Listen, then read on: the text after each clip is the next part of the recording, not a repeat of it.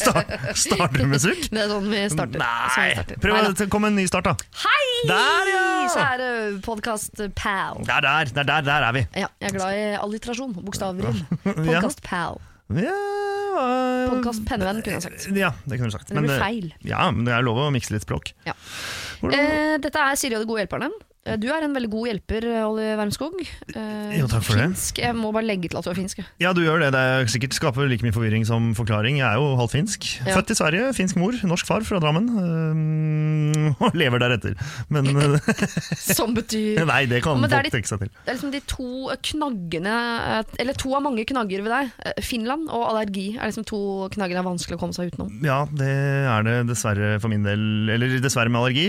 Finland, å være halvt finsk, det er jeg veldig fornøyd med. da. Ja. Men, øh, så Det er derfor du sier at jeg kommer fra de finske skoger, Fordi det gjør jeg jo da, altså faktisk. Og så har jeg et romantisk forhold til det fordi jeg har vært sammen med en halvt finsk fyr sjøl i eh, seks og et halvt år. Er det så lenge? Ja, det blei så lenge. Ja, hva, Ja. hva, hva Terningkast på forholdet? Eh, seks. Ja, ikke sant? Ja, ja, ja, det var første, sånn, du vet, den første kjærligheten. Vanskelig å si noe negativt om den. Ja, det, det skriver jeg under på. Eh, så spiser piroger og ikke sant? Ja. Den finske eh, nasjonalkosten. Piraka. Ja. men det er jo piroger. måte. Ja, på en måte. På en måte. ja. Det er brød bakt med, innbakt med potet, eller kan bakes med hva som helst. Nei, Jan med uh, risengrynsgrøt inni. Ja, det var, det, så det, var, det, var, det var neste eksempel, med Ja. potet eller med, med ris. Eller risengrynsgrøt. Risengrynsgrøt. Du kan også putte oppi litt sånn eh, artige godsaker hvis du baker hjemme sjøl, da. Oh, ja.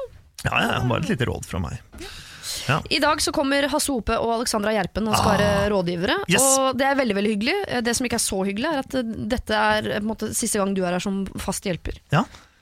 Ikke, altså, jeg vet ikke hva jeg skal si om det. det er jo, jeg har kost meg i hjel sammen med deg nå i ukevis, og nå forlater du Ja, det er jo påske, og da, hva gjør man etter påsken? Da, Man man gjør som Jesus, og så, så henger man seg opp, og så blir man der. Det er jo det er i hvert fall sånn jeg, jeg, jeg jobber aldri etter påske. Nei, du korsfestes i påsken, og stort sett overlever du ikke. Stort sett ikke, men eh, så får vi se åssen det går i år, da. Ja. Ja. Kan det hende du dukker opp en gang til Kristi himmelfart?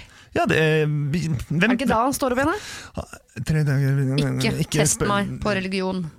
Tenkte jeg. Ja. så, men det, det er mulig. Det får vi se på, da. Det får vi se på. se på. Kanskje Olli dukker opp igjen på Kristi himmelfart. Hvem vet. Men det har vært veldig hyggelig, Olli. Du, i like måte. Eh, nå kan du få lov til å hygge deg eh, sammen med Olli i en god halvannen times tid, vil jeg anslå. Ja, og sammen med deg. Og sammen med Alexandra, og sammen med Hasse. Absolutt. Siri og de gode hjelperne. Søndager fra to på Radio 1. God eh, dag, Hasse Hope. God dag til dere også. Og god dag, Alexandra Gjerpen. God dag. Dere er sammen i Dere er ikke sammen. ikke begynn, da! Nei, ikke si det, da. Men dere, er, eh, dere har spilt sammen i Unge lovende sesong tre. Ja. Var det gøy? Ble dere gode venner? Liker dere hverandre? Jeg, altså, jeg kan ikke snakke for begge to, men øh, jeg syns vi liker hverandre ganske godt. Eh, som venner, da. Uh, og det er vi også i serien. Er- I serien er vi også bare venner. Det skal sies. Ja. Eller er det spoiler? Nei, hvorfor skal det være Nei, men, Nei, vet du, vet du, vet du, vet du. nei. Nei. Sesong tre det- er jo ute, så det er jo, nå er det no time for spoilers. Nå kan alt flyte. Nå kan man si hva som helst. La blodet flyte. Men det er ikke noe hemmelighet heller at det kommer en sesong fire? Eller? Nei, det er det heller ikke. Jo, Det er spoiler. Nei, men altså, min Insta-story har jo vært en spoiler fra dag én. Ja. Ja. Nei, det kommer en sesong fire. Og får du være med der, Hasse? Jeg kan røpe at det gjør jeg. Ja. Ja, ja. Så, så det er bare å glede seg til flere krumspring fra denne helsprø eh, fyren, som ikke minner så ikke er så ulik meg. Han er ikke så ulik deg, faktisk, i serien. Nei, han er litt mer feminin, bare. Han er bare litt sans Bert. Ja, sans bert! Uten Sier meg bart. ingenting. Det betyr utenbart. Å oh, ja, ikke på sant, det er på fransk. Jeg skjønner. Sånn, sånn, sånn. -hmm. Jeg er med. Jeg kan, eh, jeg kan min fransk, jeg òg. Ja. Det er det eneste ordet jeg kan. Så. Avec er med, da, hvis du vil ku- Ja. kunne begge sider av det. på en Ja. Det lærer man det om det er uten eller med bobler, f.eks., hvis man er mye på fransk restaurant. Da. Ja. Det er jo det eneste man trenger å vite. Egentlig er det det. Og gass er jo da bobler. Hvis vi først skal bare fullføre bestillingen. Ja, ja, ja, ja. Hasse, har du sett sesong tre av Ungelovene? Eh, Ollie, tenker du på? Sa? Du sa Hasse, men jeg kan gjerne være. Det er ikke så langt unna. Vi ligner veldig. Dobbeltkonsonant inne der. Så, øh, du, jeg har ikke sett sesong tre ennå. Øh, Jeg skulle ønske at jeg kunne lovprisen. lovprise. Jeg går jo inn med positivt sinn når Ja. jeg ser ting, så jeg tror jeg gir det terningkast ses- seks. Betyr det, at du gir alt, betyr at du gir alt du ikke har sett terningkast seks? Ja. Ja, Med mindre det er en veldig lame tittel. Men denne tittelen liker jeg også. da. Ja, så bra. Ja, Tusen takk. så- Har dere hatt en eh, problemfri uke? Det kan begynne med deg, Hasse, og nå mener jeg Hasse. Ja, du mener det? Ja. Ja. For du ser jo på meg, så jeg tenker Ja, at det handler om ja, meg. Eh, problemfri uke, ja det vil jeg si. Jeg var i Mo i Rana i helgen. Mhm. eh, et sted jeg aldri har vært før, og nok aldri kommer til å dra tilbake med mindre jeg enten tvinges eller blir betalt for å gjøre det. For det er en eh, industriby oppe i nord som ikke har så mye å by på. Var det reinsdyr i gatene? Det er min Eh, fordom. Nei, det var billigere reinsdyr på butikk, i butikkene, men det var Å, ja. ingen reinsdyr i gatene. Det, men det er en kjip innflyvning, er det ikke det? Eh, hva legger du i det? Eh, Altså turbulent og mellom, mellom fjell. Veldig turbulent, veldig mellom fjell. Ja. Veldig ubehagelig. Ja. Ah, da skal ikke jeg heller dit, for å si det kort. Nei, ikke gjør det. Dra til Lofoten i stedet. Mye vakrere. Hva med deg, Alexandra? Ja, problemfri Ja, jeg må jo si det. Det eneste jeg er jo litt eh, vond... Jeg har altså fått sånne gammelmannsproblemer. Jeg er Ja. litt sånn vondbråten av at det er nå is igjen. og At det snødde igjen. Oppå isen. Oppå isen. Ja. Er du, eh, altså, vurderer du brodder? Altså det, Jeg har allerede kjøpt partybrodder. Partybrodder! Det, de heter partybrodder. Blinker og Ja, det, altså Er de formet så de skal passe til spisse sko, eller? Ja, ja, du bare sklir de på. Eh, så det er ikke sånn full blond brodd, men det er en partybrodd. en Ja. slippers til skoen, liksom. Ja, det er, på, en måte- det er bare en liten strikk med sånne pigger på. Så det går jeg og tasser med nå. For jeg har blitt, eh, i, på mine eldre dager her nå, jeg har blitt veldig redd for å skade meg. Mm, Jeg ja. er en måte, ja, det har jeg aldri vært før. Nå er jeg det. Ja. Det er umulig å skade seg når man er ti år, så er man så, det er så Beina er så friske og Så er så uredd. Man er så uredd. Ja, Ja. Man låser seg ikke i fallet. Nei. Dessuten er man mye kortere over bakken, så det er ikke så lang fallhøyde. Mens er nå er vi jo drithøye alle sammen. Mm, ikke du. Hei! Og nå mener jeg Hasse. For Ja. alle du er faktisk ganske høy. Det er den høyeste, ass. Siri og de gode hjelperne. Søndager fra to på Radio 1. Vi skal til en som vil bli kalt for Leonora, som skriver Hei, jeg har vært i et forhold med samboeren min i tre år. Vi passer godt sammen og gledes over framtid og liv sammen. Men jeg er så giftesyk! Vi er begge i slutten av 20-åra, og jeg drømmen har alltid vært å gifte seg, kjøpe hus og få barn, i den rekkefølgen. Jeg føler meg litt stressa for at klokka tikker, og det er seriøst alt jeg ønsker meg. Jeg har tidligere ytret mitt ønske for ikke mase heller. Vi er nå det eneste paret i vennegjengen. Han uh, huka 03 på listen. Hva skal jeg gjøre for enten å slutte å tenke på dette, eller få han til å fri? Altså 0 av tre hun har verken da giftet seg, fått barn eller kjøpt Å ja. et Ja, nå, skjønner jeg. Nå Ja, hun vil gifte seg først Ja, før hun får barna. Og hvordan kan vi få uh, pressa typen til Leonora til å, å gå ned på kne? Ja, vi begynner der. Ja, jeg syns vi skal gå litt hardt Ja. ut. Nei, hvordan hva, Da må du jo øh, Du må alliere deg med vennene hans, da, eller de andre som er gift, og få de til å gå bak ryggen hans på, si, på en slu måte, og forklare hvor gunstig det er. Kanskje. Men fra et skatteperspektiv, eller Ja. Veldig gunstig der, altså. er det det lenger? Jeg har ikke peiling, jeg har ikke vært gift før. Nei. Men øh, det er jo, det er jo vrient, da. Hvordan få noen til å gjøre noe vet vi at han ikke vil?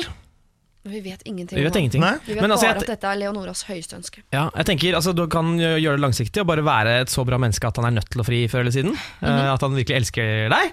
Eh, men hvis du vil ha en Det er ofte sånn det funker. Men hvis du vil ha en quick fix, så ville jeg uh, søkt på nettet 'Top 10 best movies for making your, uh, husband, making your boyfriend want to marry you'. Og så ser dere på sånne veldig romantiske filmer der giftermål står i sentrum og blir opphyllet som noe fantastisk. Ja. Ikke Runaway Bride, for eksempel. Ikke Runaway Bride, Nei. ikke Wedding Crashers osv. Men bryllupssangeren, kanskje. Ja, Bryllupssangeren, veldig, Ja. der får du lyst til å gifte deg. Ja. Altså, Jeg har en liten revolusjonær tanke. ja. Leonora, hva med å bare fri sjøl? Yes. Ah, jeg ikke det? Faen. Det der er genialt. Jo, men Leonora, jeg, jeg kjenner ikke deg, Leonora. Jeg, bare, jeg kjenner meg igjen i deg. Det kan nok hende at Leonora bare eh, har romantisert dette bryllupet noe så innmari, og en del av den romantiske fantasien er at hun ser for seg han og det frieriet. Det er en del av pakka, Ja, og hun vil ha hele den pakka. Han frir. Kan vi ikke Ja. være bitte litt djevelens advokat da, og si at uh, hvis du har så høye forventninger om et bryllup og om no, noe spesielt, da, en event, så skal det mye til for at det blir så fantastisk uansett. Ja. Så jekk ned noen av forutsetningene og tankene og drømmene, Ja. eh, selv om de ligger der. Men tving deg selv, da. Det er lettere enn å få han til å tvinge seg til å gi gi fri. Eh, Så frir du, og så kan du lage akkurat det du har lyst til ut ifra det. For han kommer jo ikke til å si nei da. Eller hvis han sier nei, så er jo det et godt tegn da, på Ja. kanskje at uh, move on. Hva er det da ordtaket hvis du, først, hvis du skal gjøre noe Brent barn skyr ikke, skyr ikke. Ja, Det er òg et uttrykk. Det Brent barn mange skyr av de. ikke gjennom alle uttrykkene som fins? Hvilke tenkte du på? Nei, jeg tenkte Hvis du skal gjøre noe rett, eh, så må du gjøre det sjøl. Det er noe Jeg Jeg tror det finnes, ja. Ja, øh, men det, ja. Det er Jeg ikke skal si helt fra det. Nei, det er ikke Nei. helt det, men jeg skal si fra så jeg kommer på det, for du er på, du er på sporet av noe der. Ja. Og det er jo en litt sånn, eh, ikke for å ta bort romantikken, men det er jo en god tanke at hvis du nå på en måte firer på det kravet, du frir, Leonora, så har du jo det kortet å bruke inn mot bryllupet når det dukker opp andre ting som du er veldig opptatt av. Si sånn, nå bøyde jeg meg på det frierigreiene, Mm. så ikke prøv å komme med noe innspill på hvordan det bryllupet skal se ut, for her, det her skal jeg ha veto. Ja, helt riktig. Ja. Og som vi var inne på, hun kan nå altså, forme dette frieriet akkurat som hun vil. Hun kan ta en, han med til en luftballong over Sibir eh, med et bål oppi og kosakker som danser rundt dem liksom, mens de frir. Altså, hun kan få det beste minnet noensinne, men hvis han hadde fridd, for alt vi vet, hadde det vært på Mækkern på en søndag kveld klokka 03.15. Ja. Kan, ja. Jeg vil bare si til min uh, lokfører, min mann, hvis du hører på, på Mækkern, greit nok for meg, for jeg er akkurat som Leonora, jeg vil også bli fridd til, Uh, men det vet han. Så uh, Han har bare sagt når du slutter å mase, så skal jeg fri, så der er vi inne i en ond sirkel. Det kommer aldri til å skje. Leonora, jeg vet akkurat hvordan du har det, men jeg tror ikke det går an å mase seg til og bli fridd til. Da tror jeg ikke det blir så romantisk eller som du har sett for deg. Og hvis uansett det ikke blir sånn som du har sett for deg, Kanskje du bare skal fire på krava, kjøpe deg et vetokort ved å gå ned på kne sjæl og fri til typen. Siri og de gode hjelperne. Mail oss på siri at radio1.no. Vi skal uh, til venneløse Vera på 21. Hun er ikke venneløs generelt, men akkurat nå er hun i en situasjon hvor hun føler seg venneløs. Hun skriver Kall meg gjerne Vera. Jeg startet på mitt drømmestudie i utlandet denne høsten, som jeg har jobbet lenge for å komme inn på. Til tross for at skolen, studio og ikke minst byen er fantastisk, så trives jeg ikke, og jeg føler meg ensom hver dag. Har aldri hatt problemer med å få meg venner før, så jeg har tenkt at det vil komme av seg sjøl etter hvert. Studentlivet skal jo være den tiden man får seg venner for livet, men nå som året snart er forbi, begynner tvilen å komme. Folk har funnet sine nærmeste, mens øh, jeg har ikke noen faste å spise lunsj med. Jeg er redd for at det er for sent å få seg nære venner på dette studiet, og forsøker å søke på et annet i Norge, selv om det ikke er et studie jeg har hatt en drøm om å gå på i flere år. Hva syns dere? Skal jeg starte på et nytt studie i Norge, hvor språket er enklere og hvor jeg har noen jeg kjenner i byen, eller skal jeg holde ut i og med at det er dette som er drømmestudiet mitt? Hilsen vennløse Vera, 21. 21. 21. Rista du på hodet, Alexandra? Ja, ja litt, eh, dette er jo noe jeg kan kjenne meg igjen i. Jeg har jo ja. mye på meg. Jeg bodde, har reist alene til mange land. eh, og det er vanskelig. Eh, man kan bli veldig ensom, og jeg har vært veldig ensom og vært i veldig samme situasjon. Eh, nå vet jeg ikke med Vera, eh, men Vera, drikker du?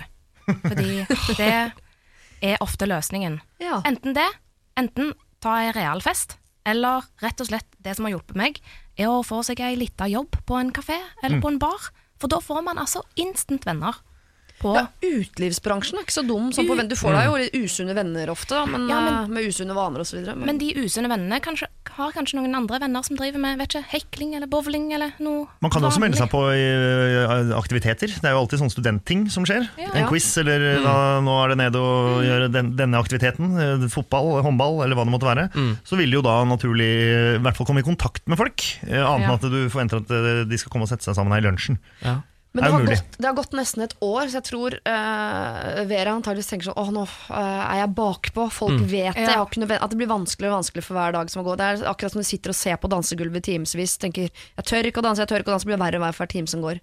Men det er jo ingen andre som har lagt merke til det. Nei. Det er ikke sånn at de andre i byen tenker sånn Å, er det Vera venneløs?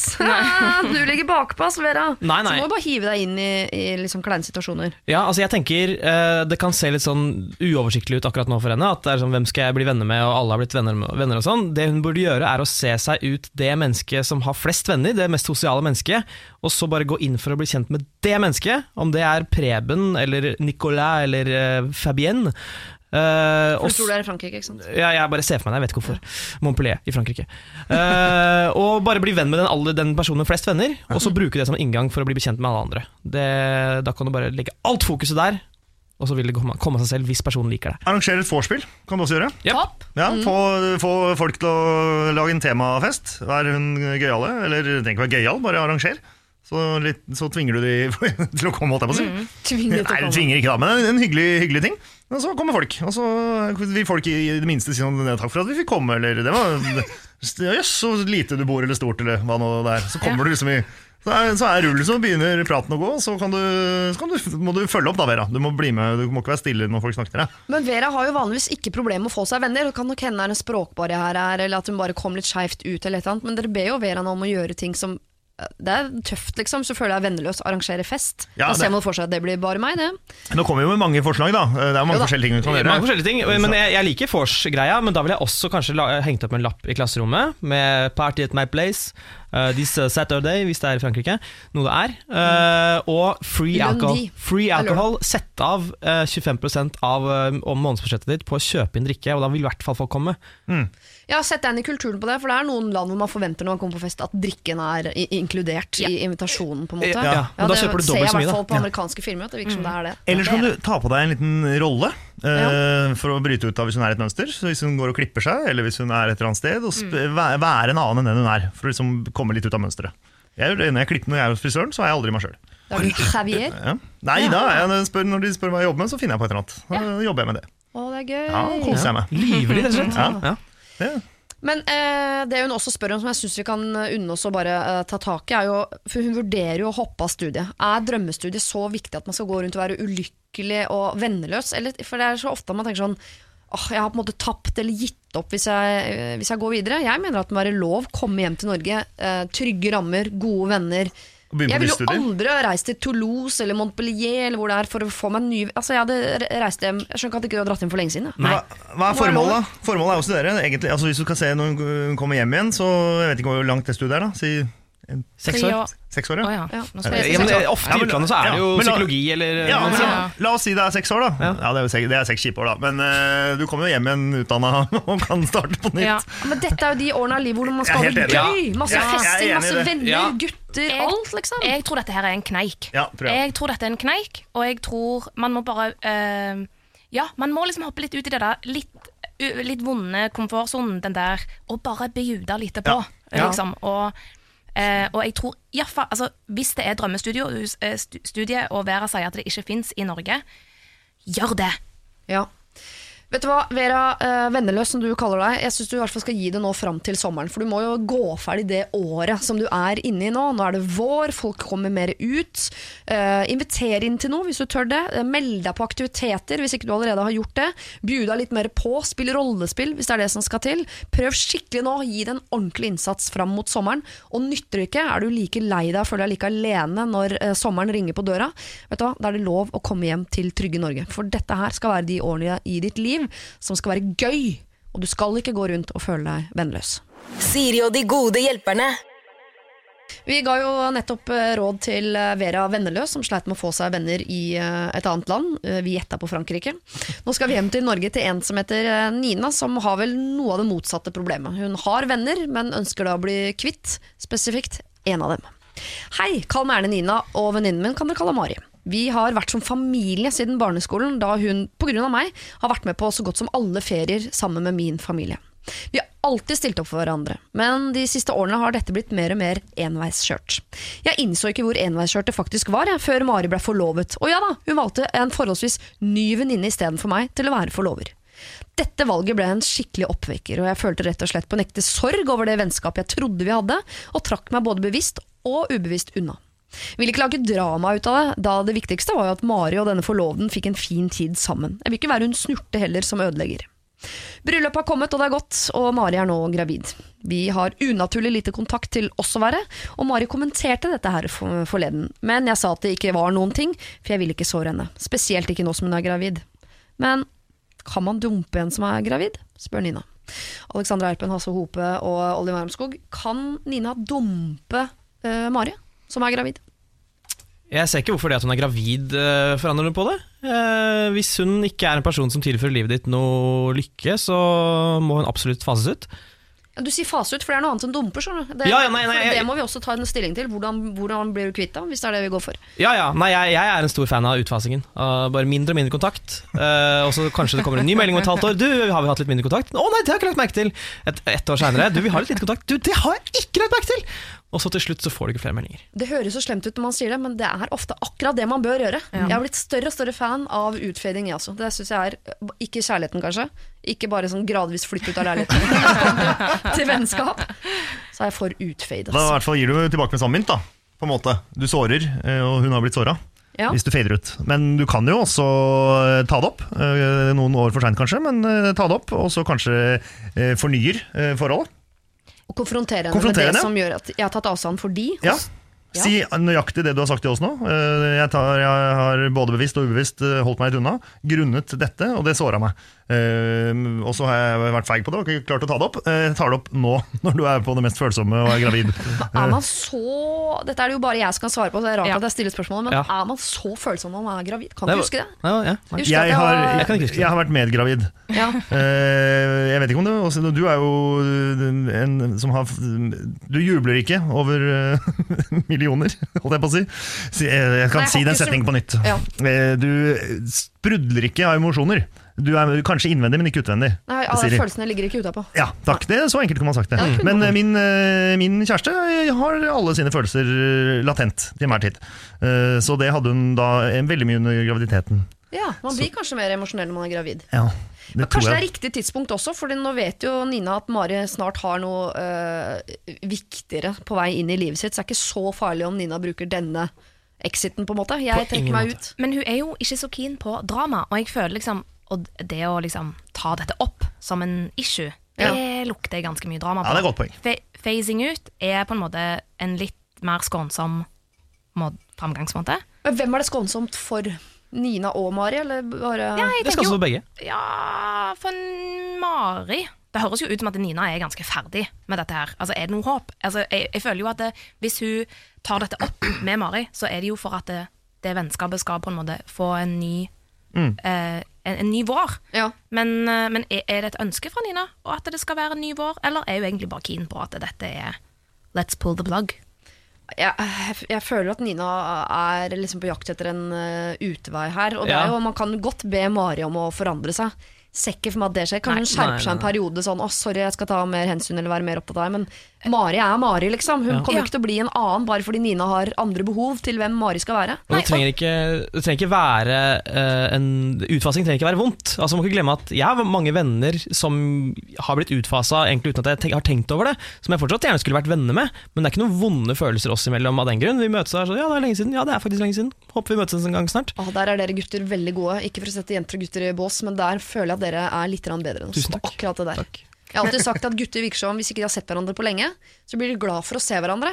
Mens jenter, i hvert fall, nå snakker jeg på vegne av meg selv, som jo er jente, jeg blir sur for at ikke vi har sett hverandre før. Ja. Mm. Men det høres jo ut som de, de er jo nærmest familie. Liksom, de har jo vært eh, venner for alltid. Ja. Så jeg tror en, en liten pause, det er ikke så farlig. Så kanskje når den babyen, kanskje du kan komme og hilse på og se om det er noe Det er jo en veldig stor eh, livsforandring Mari skal gå gjennom nå. Kanskje hun blir litt annerledes. Ja. Ja, Kanskje hun får de egenskapene du savner i henne som venninne.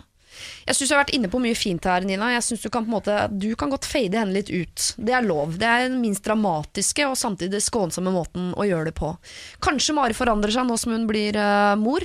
Kanskje Mari etter hvert melder seg mer på. Kanskje hun ikke gjør det. Og melder ikke hun seg på, så skal ikke du ha noe dårlig samvittighet for at ikke du har meldt deg på.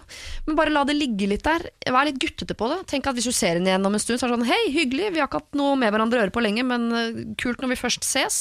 Og så lar du det bare ligge litt sånn baki der. Og hvis det naturlig fades ut av seg sjøl, ja, så er du på en måte kvitt et problem, da.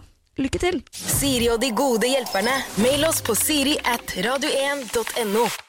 Vi har vært innom uh, venninneproblematikk, eh, gravid har vært innom, eh, forlovelse, ønske seg bryllup, i det hele tatt. Men vi eh, skal altså inn i et nytt bryllup. Men her er det et bryllup som faktisk skal skje. Men Sofie har et problem eh, rundt dette. Hun skriver Hei, Siri og de gode hjelperne. Nå trenger jeg deres hjelp. Min gode venninne, som jeg har hatt hele livet, skal gifte seg og har spurt om jeg vil være forlover. Og jeg har selvsagt svart ja. Bryllupet skal foregå i all hemmelighet, og det er kun forlovere og våre bedre halvdeler som er innvidd i denne hemmeligheten. Det som først var en plan om å ta en tur på tinghuset, spise en god middag, ta noen drinker etterpå, har nå eskalert til en tur på tinghuset, fly til hovedstaden og ha en hel weekend der. Og Dette medfører jo da mye større kostnader enn denne Sofie har sett for seg, og spørsmålet hennes er og jeg vil bare si altså Typen til Sofia Sofie har tilbudt seg å betale hele pakka, for han har en ganske god jobb, men det syns hun blir feil. Spørsmålet mitt er Er det riktig at jeg skal betale for dette. Det er jo ikke jeg som har bestemt at det skal foregå i en annen by. Da jeg sa ja, så skulle vi jo bare ut og spise middag. Jeg har ikke lyst til å være en dårlig venninne som tar det opp, så jeg vil gjerne vite om jeg er innpå noe før jeg eventuelt gjør det. Kan jeg be bruden betale for hele helgen? Hjelp! Hilsen eh, Sofie. Men, eh, ja, Vær så god, Hasse. Jeg tror vi fikk samme uttrykk. ja, men, eh, Dette er ikke utdrikningslaget. Nei, det er bryllupet. Nei, fordi det er utdrikningslaget skal eh, forloveren spandere, men ikke bryllupet. Hva er det som har skjedd? Er det en alternativ virkelighet hun lever i? Det kan hende. Men, altså, men lå ikke løsningen i problemet også? Sa hun ikke at noen hadde tilbudt seg å betale alt, og så takker hun bare nei til det? Hun har ikke takket nei. Hun har sendt inn øh, vi- Hun ber oss om å takke nei på mange Å måter. ja, Ja, altså- jeg, no, takk nå ja. Jeg kommer ikke til å takke nei til det. Altså Hvis, noen har, hvis kjæresten din har lyst til å betale, Og ha god og råd. har god jobb og har råd til det, altså, Gjør nå det. ta den. Jeg ville fått så sykt dårlig samvittighet om jeg fikk forloveren min til å betale for bryllupet mitt. Jeg hadde tenkt på det resten av livet. Jeg hadde hatt et torn i siden. Jo, men Det er jo noen sånne bryllup hvor man drar på en helgetur opp til Hemsedal eller et eller annet sånt, hvor man da eventuelt må spytte inn noe greier. Ja, Men da betaler du for deg selv. Ja, å ja, er, var det det? Lå det? At, det- Nei, nei, hun skal betale for seg selv, men hun må jo betale for å fly til hovedstaden. Overnatte. og det er, ganske, Nå- det er ganske vanlig i bryllup. At Hvis Ja. man er invitert i bryllup, f.eks. Hemsedal, hvor jeg har vært i bryllup, Ja. så betaler man jo for å komme seg dit, være der, solen og alt mulig. Ja. Men det går en forskjell mellom venninne og forlover, for det har jeg hørt Ja. om også i disse bryllupene jeg har vært i hvor- med overnatting. Brud, brudgom betaler for forlover. De gjør det, ja. Ja, Det okay. er ganske vanlig, men her har de tydeligvis ikke tilbudt seg det. Nei. Og da, man kan ikke be om det, tror jeg. nei, man kan, man, det, kan, det kan man ikke. Man Nei, jeg, si- jeg spør, jeg. Ja, jeg ikke. svarer Hvis ikke de nei. tilbyr det, så, så tenker jeg at det men, men da skal man ikke eh, Dette er et spørsmål. Mhm. når, når man må reise til et bryllup, skal man, dette er noe jeg har spurt mange om, skal man gi gave da? Jeg mener nei, men det er jo eh, vært i bryllup hvor det også forventes Ja. gave. Ja. Ja, Ja, Det syns jeg er spesielt. Ja. Ja, det, altså Hvis man betaler for opphold og reise, og man gjør på en måte en liten jobb at man er forlover, Ja. så skal man ikke gi gave oppå det. Da er jo det gaven. Ja, så det Hun skal i hvert fall slippe det, tenker jeg. Sofie. ja. Gave skal du få slippe. Men det er også denne- vondt da å komme, og så kommer alle andre med gave, eller de fire andre som er invitert, og så står det bare sånn Nei, jeg skulle ikke gjøre det. Du, si, kommer, jo, du kommer med et standpunkt, og det er helt, Ja. det er helt streit, det, men hvis du, du ikke har lyst til å Da kan du like gjerne si du, dette er litt, det er litt voldsomt at du skal betale 10 000 kroner for den helga her. Men er det ikke litt sånn røffelig det man må regne at et bryllup koster? da? Altså, hvis du skal i bryllup, så koster det deg ca. 10 000 kroner. Det er I hvert fall for oss. Uh, ny kjole, negler skal vi ha, lipper skal vi ha, self-tan. Ja. Ja, altså, ja, vi må ha litt tan. Ja, altså, vi- uten det. Vi gutta bare slenger på sånn joggebukse og Ikke hatt dress. Ja. Ja, ja. Ja. Men eh, altså, det er, se på det eh, andre veien. Få typene til å betale, og tenk at det er en kul tur. Oslo er eh, For jeg antar at eh, det- dette er norske De er fra Norge, Ja. siden det var var hovedstaden som ble sagt. direkte oversatt fra ungarsk. Ja. Kom til Tigerstaden, kos dere, det kan være en fin by, det.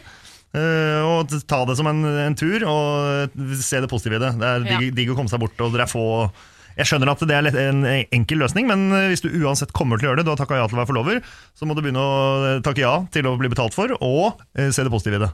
Ja, fordi Vi er på en måte enige om at her burde bruden ha sagt vi betaler selvfølgelig for oppholdet, eller, og dere skal ikke gi noe gave. Liksom. sånn. Nå har ikke bruden gjort det, eh, gjort det, og da kan man ikke be om det. Men her har du jo en kjæreste som har tilbudt seg å betale for reise og opphold. Og Da syns jeg du skal bare takke ja til det. Ja. Og jeg syns også du skal kjøpe faktisk en gave og se stort på det. Eh, Men jeg skulle gjerne ha snakka med bruden og sagt sånn Hei, skjerp deg Ja. lite grann. Her må dere Dere er seks stykker i et bryllup, liksom. Her må vi bla opp. Ja, og det, i det lange løp så er det, så er det verdt det. De Ja, ja. kommer til å få en fantastisk helg. Ja, og tenk, Nei. tenk på hvor lite de, de bruker, det, bruker på det bryllupet her i forhold til om de hadde hatt 200 mennesker og middag og gratis drikke. Det er 200 000-300 000. Her snakker vi maks 60-lapper. Og det, jeg tror det også er litt mye, faktisk. Ja, men det, det er dyre steder de skal på. Ja.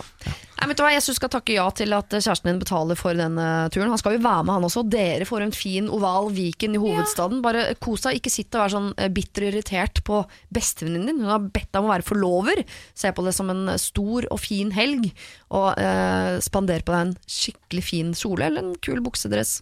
Jeg dropper de der klestipsene fra meg, for der er jeg ikke helt rå. Men du skal i hvert fall reise til Oslo, og det ligger an til at typen din skal betale. Siri og de gode hjelperne. Hasse Hope, Alexandra Gjerpen og Olli Wermskog, vi skal inn i et uh, forhold. Vi fire skal ikke det. Det vært, eh, kunne vært litt koselig òg, men eh, jeg tror det kunne vært vanskelig på sikt. Stine er eh, midt i 30-åra og har en type på samme alder, og nå begynner hun å sette spørsmålstegn ved hele greia. Hun er usikker på om hun skal bli. Jeg har vært sammen med kjæresten i to år, vært samboer i ett av dem. I fjor hadde jeg en depressiv periode som slo beina under meg, og jeg var sykemeldt i mange måneder. Da jeg fikk hodet over vannet igjen, slo det meg at jeg ikke kunne snakke med han om dette. Jeg merket at han var bekymret og fysisk til stede, men den gode dialogen manglet, og jeg kunne ikke bruke han som sparringspartner. Ikke fordi jeg ikke vil snakke om det, men fordi eh, noen må jo vise en interesse og faktisk stille spørsmål for at jeg skal prate. Han er mer av den fysiske typen som gir klemmer og susser og sier at han er glad i meg, men det stopper der, eh, og det gjør at jeg trekker meg mer og mer unna. Jeg har tatt det opp med han flere ganger, og jeg syns eh, kommunikasjonen og praten fungerer eh, dårlig. Men han skjønner ikke hva jeg mener, og sier at eh, vi har da begge venner vi kan prate med om dette. Er det noe jeg kan gjøre her, eller skal jeg bare forlate han? Vi er begge i midten av 30-åra. Stine kan vi kalle henne. Skjønner dere? Altså, hun er sammen med en mann som syns det er vanskelig å snakke om øh, vanskelige ting, da, tydeligvis. Ja, ja. problemstillingen er klar. Ja. Er Parterapi, da. Blir, altså, blir man uh, en som syns det er lettere å snakke om ting av å gå i par parterapi? Jeg vet ikke, Det er vel det som er formålet, kanskje. Jeg har Ja. ikke gått på det sjøl, men øh, det var det første jeg tenkte på, som jeg har sett på film at folk gjør. Jeg har hørt om. Det kan jo hende at det funker. Han bare høres ikke ut som en type som blir med til parterapi. Ass. Nei, det er jo noe sant. Nei. Men, men casen er at uh, han spør ikke henne, og hun tør ikke å starte praten selv. Jo, jo, jo, hun kan godt starte praten, men han, på en måte, han følger ikke opp med masse spørsmål, og han er ikke, liksom, han er ikke en prater, da. Nei. Nei, men da tror jeg parterapi kan være bra, for det virker jo som at de er glad i hverandre. Han er jo fysisk med henne og uh, kysser og susser, eller hva Stine skrev. Og da, da altså, parterapi er jo bare en person som ja, hjelper samtalen i gang, da. Mm. Og hvis de har vært sammen i to år, og de er glad i hverandre, så er det jo iallfall verdt å ta et par timer og Ja. bare se om det er Hvis det er alternativet, er å bare pack up and leave, så er det jo bra å iallfall gi det en liten sjanse, da. Ja. Mm. Ja. De trenger trening, rett og slett. Men Fins ikke noen sånne spill også hvor man trekker kort? Hvor det er sånn samtale Ja, det, det er jo, eh, Jo, det mindre det. drastisk Ja. enn å gå til parterapi, da. Ja. Ja, men Finnes det en sånn depresjon edition? For det er jo det vi, det vi snakker om, ikke om uh, Forest Gump, liksom. Hvis det er det som er Nei, men få i gang for Dette høres jo ut som en uh, type som ikke snakker veldig mye om noe som helst. Dette er ikke et par som drar til uh, Firenze og sitter og drikker rødvin på en gatekafé og snakker i timevis. Det jo- De drar på hotellrom og ser på Tour de France. Men det er jo- Men det er jo ekstra vondt å sette sette igjen sånn Ja, da skal vi spille familieterapispillet. Eller altså, da er det jo det syns i hvert fall jeg da høres vondt ut å måtte gjøre. Eh, Kleint vondt, eller? Ja, kleint vondt. Da, og parterapi er jo, ikke, det er jo ikke noe tap. Det er jo bare ja, Da snakker du med en person. Det er jo ikke sånn Nei, det er siste ting vi gjør. Det er grusomt å gå dit. Gå dit, det er et menneske. Betal litt for det. Funker det ikke, funker det ikke. Nei, og man får jo bare verktøy for Ja. å kunne snakke med hverandre. Og Ja. skjønne hverandre bedre. Eller så kan du ta noe alkohol, du har blitt råda til før i dag. Eh, Drikk dere driting, så snakk Ja. sammen. Hvis noen har putta den oppi glasset Ja. av noen midler som ikke skal nevne, så er det jo, kan det hende at praten sitter løsere da. Ja, Og Men- ta det opp, så man husker det. Men han har jo også en løsning her som jeg syns er verdt å uh, ofre noen minutter. Fordi han skriver, uh, sier jo at har vi ikke venner å prate med? Jeg bare tenker at Det er jo noen som har en kjæreste som er bestevenn, vi kan snakke om alt. Og så er det noen som har en kjæreste som er mer sånn eh, altså, Jeg og min lokfører, igjen, jeg drar meg selv inn i alle problemer. Vi sitter ikke timevis og snakker om ting. Det gjør jeg med venninnene mine. Så drar jeg med og koser med typen min. på en måte Mm. Og for meg em, fungerer det veldig fint. Det er en sånn jeg, jeg hadde ikke orka å være sammen med en fyr som skulle drive og prate om ting. Så slitsomt, da, gitt. Ja. Jeg kan ikke bo med en som vil prate om ting. Det må du oppsøke på kafé. Ja. uh, men da er jo ikke jeg og Stine helt like på uh, våre behov. Jeg bare sier at det også går an. Snakke med venner om de alvorlige Absolutt, tingene. Dra hjem, se på Tour de France. Ja, og han har jo tross alt Det første året de var, sammen i to år, eh, så flytta de. Så hadde de vært samboere i ett år. Ja. Hun sa for et år siden så var hun depressiv. Så med andre ord, før de flytta sammen, så har hun vært i den perioden hvor kanskje hun var lavest i det forholdet deres. da Og i tillegg, eh, etter det, så har han da fortsatt valgt å flytte sammen. Da. Ja. Så han, dere er jo åpenbart ut ifra det lille vi vet, veldig glad i hverandre. Han elsker jo Stine. Ja. Han ser ikke problemet. Jeg synes det fungerer helt fint. Han. Så det er da- Stine som har et behov som han ikke klarer å, å Da kan du jo sette deg ned og si 'jeg trenger dette hardt'. Eh, det trenger du ikke å si. Det trenger du ikke å si. Ja, jeg kan si det på en annen, formulere det på en annen måte. 'Jeg trenger dette'. Dette trenger jeg, kan du si. Ja. Og så kan du bare sitte og lytte. Jeg må, jeg må få noe av hjertet, liksom. Og så uh, få det ut, og så ser du på reaksjonen hans om han er med på det eller ikke. Hvis ikke, kanskje eh, snakke med venninner og prøve det, hvis det er det som Venninner, eventuelt litt terapi sjøl, tenker Ja. jeg. Eller, Ja, er eller å, å ha noen å snakke med. Det, det er Kan jo høres ut som det, siden hun har gått gjennom depresjoner og sånn. Ja, for Ofte trenger man en å snakke med, men det er ikke nødvendig sånn at det alltid trenger å være typen. Du skal vite at eh, Det var en uh, parterapeut som sa til meg en gang at ofte så føler menn, når vi kvinner tar opp ting vi syns er vanskelig i livene våre, at det er uh, sånn at de skal fikse det. De har ikke noe forståelse for den der. Ja. Nei, jeg bare trenger å si det høyt, og du må bare høre på. Ja. Eh, Så kanskje si fra om det i forkant. Det Sånn, jeg forventer ikke at du skal løse alle problemer i mitt liv, men jeg trenger at du bare hører på, Ja. så jeg får Ja. det ut. Det er det som er empati. Det er jo ikke å ha en løsning, det er å bare si 'jeg vet hvordan, jeg skjønner hvordan du har det', og nå er vi der sammen. Det er det som er empati. Parterapi blir nevnt her, Stine. Eh, Jeg mener at man kan gå til parterapi via et brettspill. Jeg syns det høres bare ut som noe som er lettere å gjennomføre i praksis. Eh, Og kjenn litt på det, om det behovet for at han skal være den vennen er til stede, eller om det er bare noe du tror. Kanskje det holder å snakke med vennene dine. Gjør det ikke det, skjerper ikke han seg. Trenger du en mann du kan prate med, og han ikke er en mann du kan prate med, så er jo ikke han en mann du kan være sammen med på sikt. Siri og de gode hjelperne. Søndager fra to på Radio 1. Siri og de gode hjelperne i dag består av eh, Olli Wermskog, eh, Hasse Hope og Alexandra Gjerpen. Og vi skal til et problem som det er langt og omfattende og uh, irriterende. Jeg er glad at dette problemet ikke fins i mitt uh, liv. Hei. Jeg er 29 år og gift med en eldre mann. Jeg var russ når jeg falt for han, og han var ikke vanskelig å få med seg på fest. Siden den gang har vi festa mye sammen, og jeg var jo ung og dum når det begynte, og tenkte ikke så mye over at han ofte drakk seg så full at han måtte kaste opp. Ettersom åra har gått, og festene og sammenkomster eh, har blitt litt mer ordentlig, så har denne spyinga blitt litt kleint. Eh, når eh, vi er med andre ordentlige voksne, så syns jeg kleint har blitt til skikkelig problematisk. Og så ramser hun opp en del eksempler. 30-årsmiddag hos hennes beste venn og samboer, de var bare 80 gjester, typen spyr. Ut av ripa på familiebåten, typen spyr. Utover inngangspartiet som eh, innsender og barna deres sto opp og fant dagen etterpå. Eh, vi har snakket om dette etter hver hendelse, og han lover å bli flinkere, og så er han det en stund, men så sklir ut igjen. Eh, og hun sier det til han når han begynner å bli full, nå må du roe deg ned. Og før sa hun jo på en ordentlig måte, nå har hun begynt å bli ordentlig hissig på festen. Nå har de blitt det paret antageligvis, som krangler en del i fylla på av dette. Og så forteller hun en historie som har gjort at det hele nå har bikka over. I helga gjorde vi noe vi aldri har gjort før. Vi koste oss på hotell og med show i byen.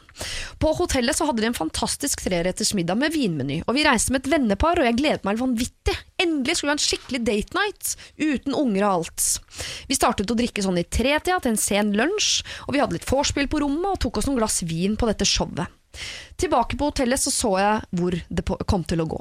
Jeg informerte som vanlig min eh, mann, eh, og eh, han garanterte at han ikke skulle spy. Så var klokka halv elleve, og jeg var midt i den fancy middagen, men han måtte gå. Jeg orka ikke å bry meg, jeg ble bare sittende. I totida så returnerer jeg til rommet, og da har han spydd utover alle sminke- og toalettartiklene mine. Samt hele døra på badet og uh, hele hotellet vi bodde på. Alle håndklær, vegger osv. Det er så klart uh, irriterende og pinlig. Jeg måtte bruke halve natta på å rydde og vaske, og var naturlig nok ikke kjempegodt humør til frokost. For første gang så har vi ikke snakket i etterkant. Jeg har jo ikke lyst til å ha han med på sammenkomster lenger. Jeg gruer meg til vi skal til Syden med familien. Jeg synes det er så pinlig. Jeg har nesten ikke lyst til å feire min egen 30-årsdag på grunn av dette. Han er far, han er oppegående, han er fornuftig, han er verdens beste mann, med unntak av dette. Så spørsmålet mitt er hva gjør jeg? Er det er det noen andre som har løsninger på dette? Vær så snill! Det første jeg tenker på er dude, drikk et glass vann, liksom, på, i løpet av den kvelden. Men det må ha vært foreslått. Altså, Ja ja, men altså Vi må ta en runde på hvem. eh, Er det en spyer blant oss? Er det noen av dere som spyr i fylla? Nei. Eh, Nei, aldri. Har du aldri spydd i fylla? Jo! Men, men aldri. Ja. Ja, ok, nei, det er mottatt. Ekstremt sjelden. Ja, samme her. Ja.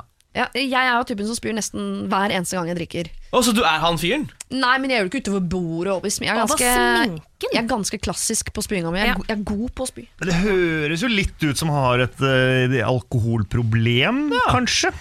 Siden han ja, ikke klarer å kontrollere seg. Altså Selve spyinga, hvis du går og spyr, ja vel, gjør nå det. Men det er jo det at han spyr Altså det, hvor, hvordan, hvordan, hva, hva skjer med kroppen hans når han spyr? Kan han ikke bare spy i en vask, eller, Ja. eller helst i dass? da, eller noe sånt? Tenker du på alkoholproblem som at han har problem med at han drikker for ofte alkohol, eller at kroppen hans reagerer annerledes på alkohol enn andre kropper? Det kan det godt hende at det gjør det også. mm, At han reagerer, altså at, at det gjør at han må spy veldig lett. Ja. Men siden han mister så total kontroll og spyr ned det som er, så høres det ut som Og blir sagt fra til, og de snakker om det edre edru tilstand, og på i løpet av kvelden flere ganger, virker det som. Ja. Og de krangler høylytt, og de er det paret.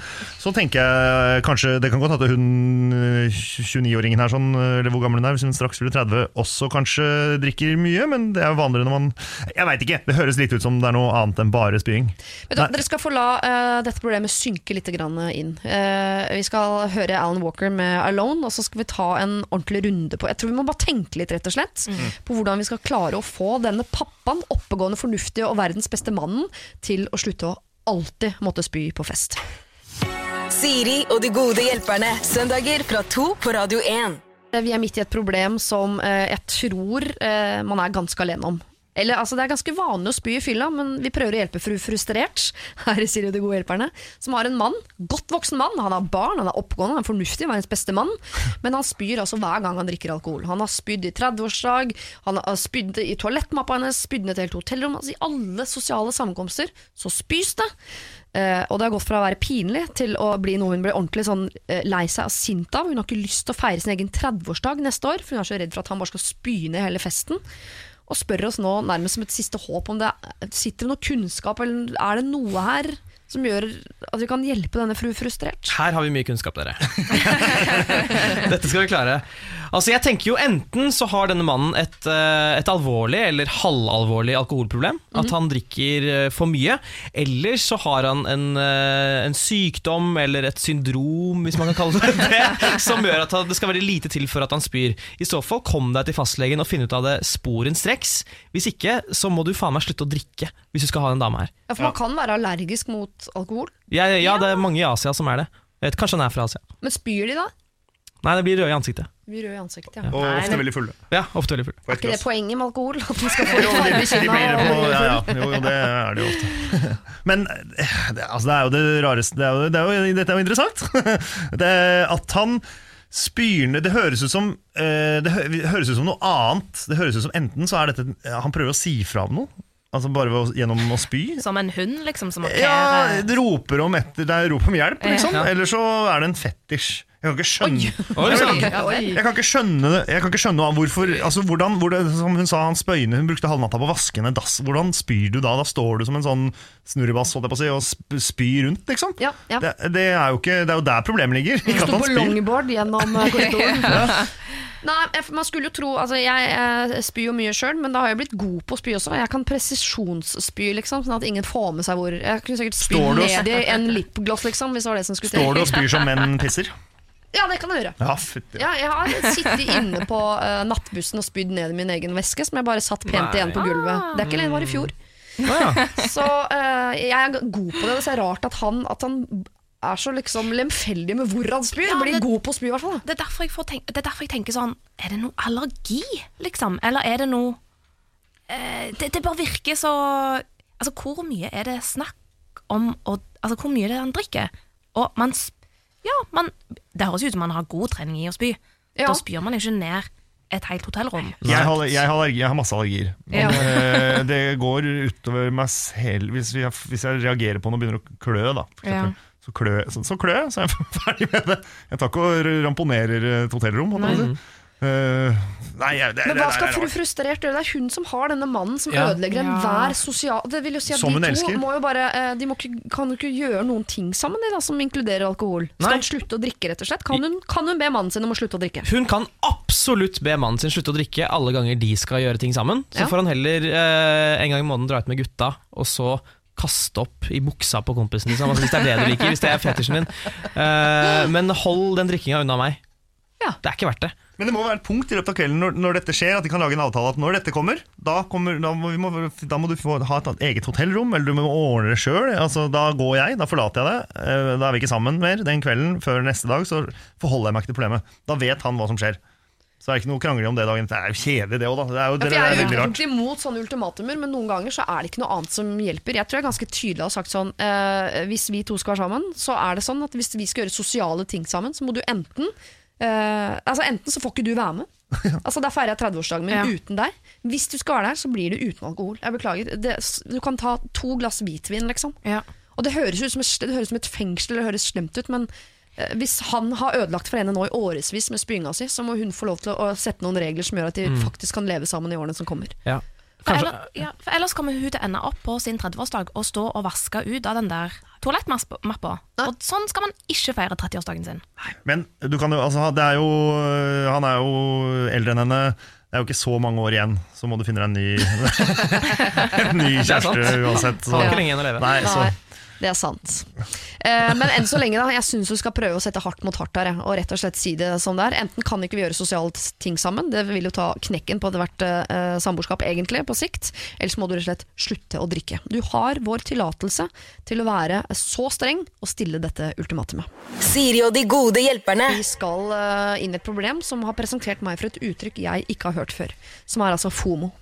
Har du hørt det? Oh yes. Er Eh, wake up and the smell the coffee. Herregud, er det 2008 her, eller? Eh, ja, det er litt 2000. Jeg har, jeg har ikke hørt det før. Okay. Men da kan jo dere oversette, da. Fear of missing out. Da vet hele Norge det. Hei! Jeg har et problem jeg håper dere kan hjelpe meg med. I disse tider driver alle vennene mine med planlegging av årets sommerferie. De fleste av mine venner er i full jobb, mens jeg fortsatt er fattig student, da jeg startet å studere senere enn dem.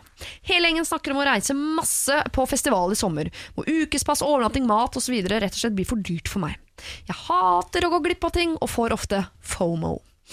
Jeg vil gjerne være med på alle festivaler, men jeg har rett og slett ikke råd. Men jeg lurer på, burde jeg heller kjøpe en dagsbillett til festival, og på den måten er jeg litt med på moroa? Jeg risikerer da å sitte på billigbussen hjem alene med eh, skikkelig FOMO. Men drar jeg ikke i det hele tatt, så har jo hele gjengen en helt fantastisk st- sommer med masse minner uten meg. Hjelp! Kall meg gjerne Per, 27. Altså, skal han bli med litt, eller blir vondt bare verre av det? Altså, litt kake er bedre enn ingen kake, okay, ja. tenker nå jeg. Ah, Ja, da har ikke der, du- da har ikke du smakt kake, altså. Fordi eh, jeg tar én bit.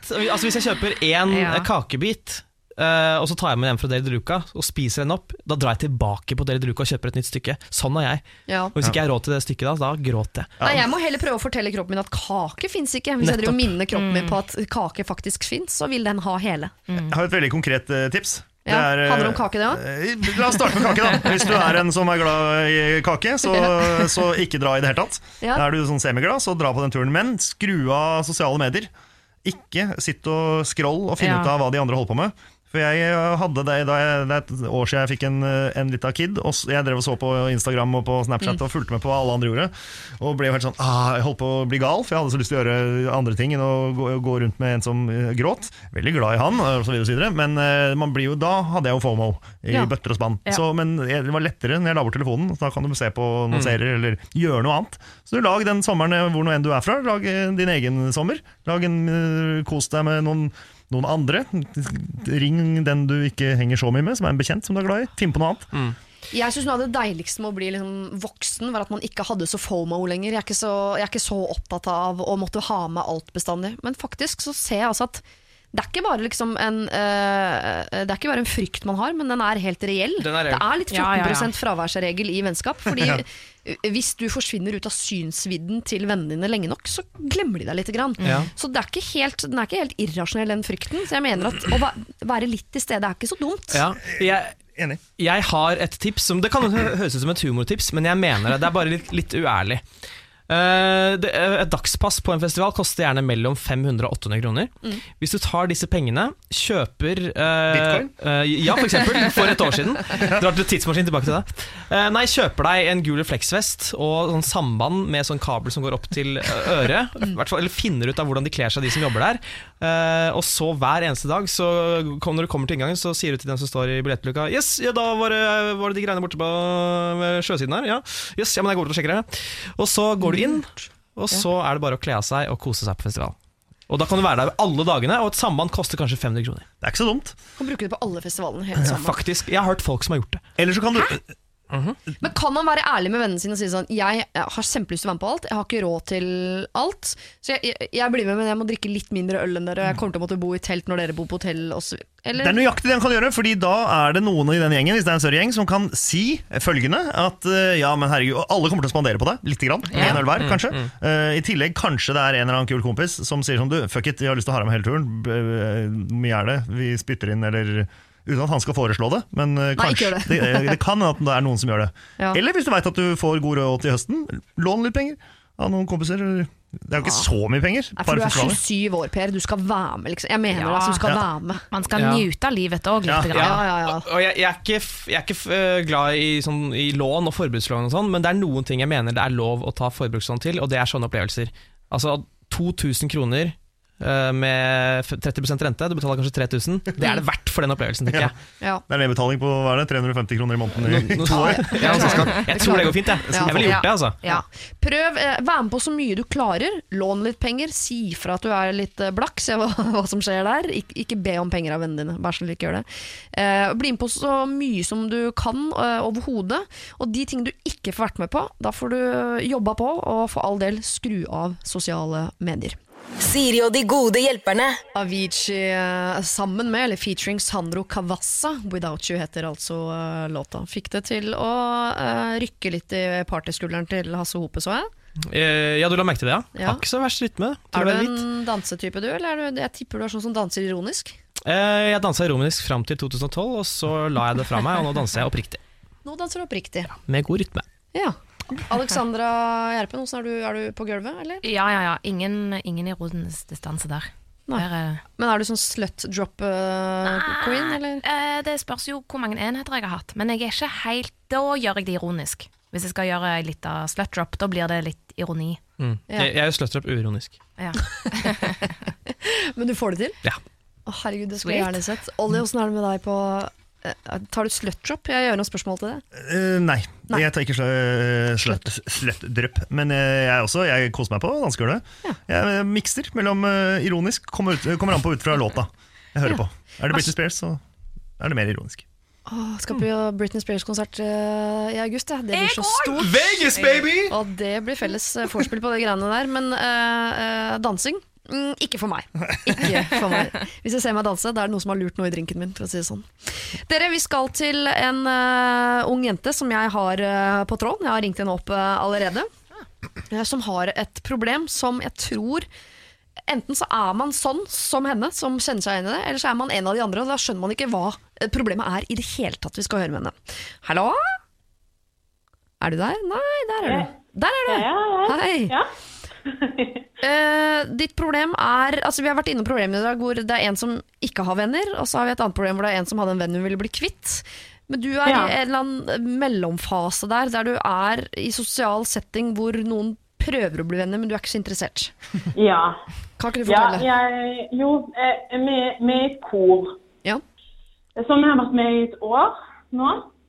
Og det meldte jeg meg inn i fordi at jeg liker å synge og trenger det i hverdagen min for å liksom koble av og liksom gjøre noe litt annet enn alt annet. Litt sånn mindfulness. Men så tror jeg ganske mange folk i det koret, nesten 90 virker det som, har meldt seg inn i det koret fordi de vil ha venner. Så det gjør at det ofte Og det er veldig veldig mye sosialt som skjer. Og over, altså jeg tenker sånn, Er dette veldig voldsomt? For de inviterer hverandre på vors. Spør hverandre hvem som er ute på byen på lørdager. Vi har en sånn Facebook-gruppe. De spør hvem som er på Øyafestivalen, har julebord. Hver onsdag så arrangeres det korpils, som jeg føler som et sånn slags Ikke press, men jeg føler meg teit som ikke blir med. Og det er ikke det, Jeg syns folkene der er dritkule, men jeg vil snakke med dem bare når vi er på korøving. Så jeg lurer egentlig litt på om jeg eh, Er det jeg som er kjip? Eh, men jeg har egentlig ikke tenkt å ta det inn i hverdagen, men jeg bare lurer på hvordan jeg kan komme sympatisk ut av dette her. Jeg vil være i koret, men ikke få nye venner. Ja. Du eh, eh, har lyst til å på en måte være venn med dem på øving, men ikke ellers. Og det vil du Ja. at de skal være klar over på en eller annen måte, så du slipper den masinga og føle på det presset. Men du vil eh, få sagt fra på en annen Ja. måte som, hvor ikke du fremstår som ehm, Enten sier jeg ikke er for å få venner. Ja. Det er jo som ja. Det høres ut som hun som er med i eh, The Bachelor eller Paradise Hotel sier sånn 'Jeg er ikke her for å få venner!' Du er klar over det? Så, um, Ja. Vi skal prøve å se om vi kan finne en litt mer sympatisk måte å si det på. ja. Jeg har med Alexandra Gjerpen og Hasse Hope og Olli Wermskog her i dag. Og er det noe dere lurer på før vi uh, går i gang, liksom? Jeg, jeg har et spørsmål, i hvert fall. Uh, disse invitasjonene, får du de eh, persona, eller får du de på Facebook? Spør de deg liksom live? Nei, altså de, de Korpilsen er sånn oppfordring som du får ansikt til ansikt. Ja. Eh, og julebord og sånn er veldig sånn Skal du være med, skal du ikke? Så vi må ha liksom en, en god unnskyldning hver gang. Og jeg har til nå bare gitt sånn, pers- eh, sånne korttidsunnskyldninger. Sånn jeg må hjem og selge noe på Finn. .no. Den er og sånne ny. ting. Ja. Den den. jeg Ja, jeg måtte gå sånn, ty til sånne løsninger. Men, men så er det også en del på gruppechatten som er lett å unngå å bare forsvinne i mengden på. da. Ja. Så Så det er er, både òg. så det er såpass at du vil ikke være med på julebord engang? Nei, egentlig ikke. Oi, oi, oi, det er, bei, det er beinhardt. Det er beinhardt. Ja. Et spørsmål fra meg er, eh, ha- er det, Hadde det vært sånn uansett hvem som sang i dette koret, eller er det spesifikt de i dette koret som ikke du har noe interesse av å henge med? Um, det er egentlig mest, altså det er ingenting med at de ikke er kule og sånn, det er bare at jeg, jeg har ikke plass til flere ting i livet mitt. Nei. Men det syns jeg er en ærlig sak. Ja. Jeg synes ikke det er noe Du er ikke kjip eller kynisk eller det. Det er bare sånn Jeg, jeg er busy, liksom. Jeg har mye jeg skal gjøre. Ja. ja, Det er jo sannheten, men det er ikke alltid sannheten er så digg for folk å høre. Fordi de andre har jo plass til dette her i sitt liv, så det er vanskelig å sette seg inn i. Ja. Du, Vi skal ta en runde på dette her. Vi skal bare eh, innom Sane og Sia først, med Dusk til Dawn. Så skal vi ta en runde på det og se om vi kan eh, hjelpe deg. Siri og de gode hjelperne. Dusk til eh, Dawn synger Sia på denne Sane-låta. Det er vanskelig ikke dra med seg det inn i det problemet vi befinner oss i. For det er altså sånn at noen har et behov for å være sammen med andre mennesker hele tiden. Andre har ikke det behovet, og det kan være fordi man har behov for å være aleine, eller fordi man allerede har livet sitt fulgt opp av andre ting. Vi har akkurat snakket med eh, en jente på telefonen som synger i et kor, og i dette koret så er det et voldsomt press på ikke bare synge sammen en gang i uka, men også ha julebord, onsdagspils og uh, gudene vet hva de ikke skal drive med av sosiale happenings sammen. Har ikke det behovet, har bare lyst til å synge, har ikke lyst til å henge med disse folka. Men hvordan får man sagt ifra om det, og skal man si ifra om det for å få være i fred? Eller skal man bare fortsette å late som? Hva tenker du, Hasse Hope, om det? Tusen takk for at eh, jeg fikk starte.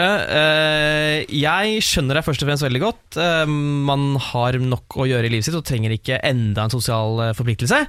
Eh, Men jeg er jo en stor fan av hvite løgner. Eh, Ja. Og istedenfor å da si eh, du, det skjer så jævlig mye, jeg, bare, jeg, har ikke, jeg har så mange venner, jeg har ikke plass til dere, som er litt eh, cocky å si, selv om det kanskje er sant, så ville jeg heller funnet på at du har en eller annen ting som, Fast. som, ja, fast ting som tar opp mye plass i livet ditt. F.eks. at uh, jeg passer på en gammel mann som uh, trenger hjelp uh, 14 timer i døgnet. Eller eh, jeg jobber på Blå Kors. Eller altså et eller annet som ingen kan ta deg på, men som gjør at du er nødvendigvis veldig veldig opptatt.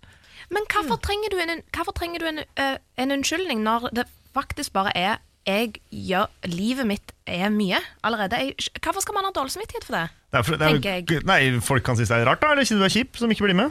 Ok, Da er det veldig mange som syns jeg er kjip. Ja, det, Det, det, det, er, det er meldingen mottatt. Hadde ikke tenkt å si det, men ja. Men eh, hva med, hva med bare bytt kor? Du er glad i å synge. Drit i folka. Det da- finnes, Sorry, ikke for å stoppe deg der, men da flytter du et problem. Fordi disse menneskene fins i alle kor, på alle kickboksingtimer. Ja. Altså, til og med altså, On- Kiwi inviterer jo til felles julebord nå. Det er, det er ikke mulig å gå på gata uten å bli invitert på julebord.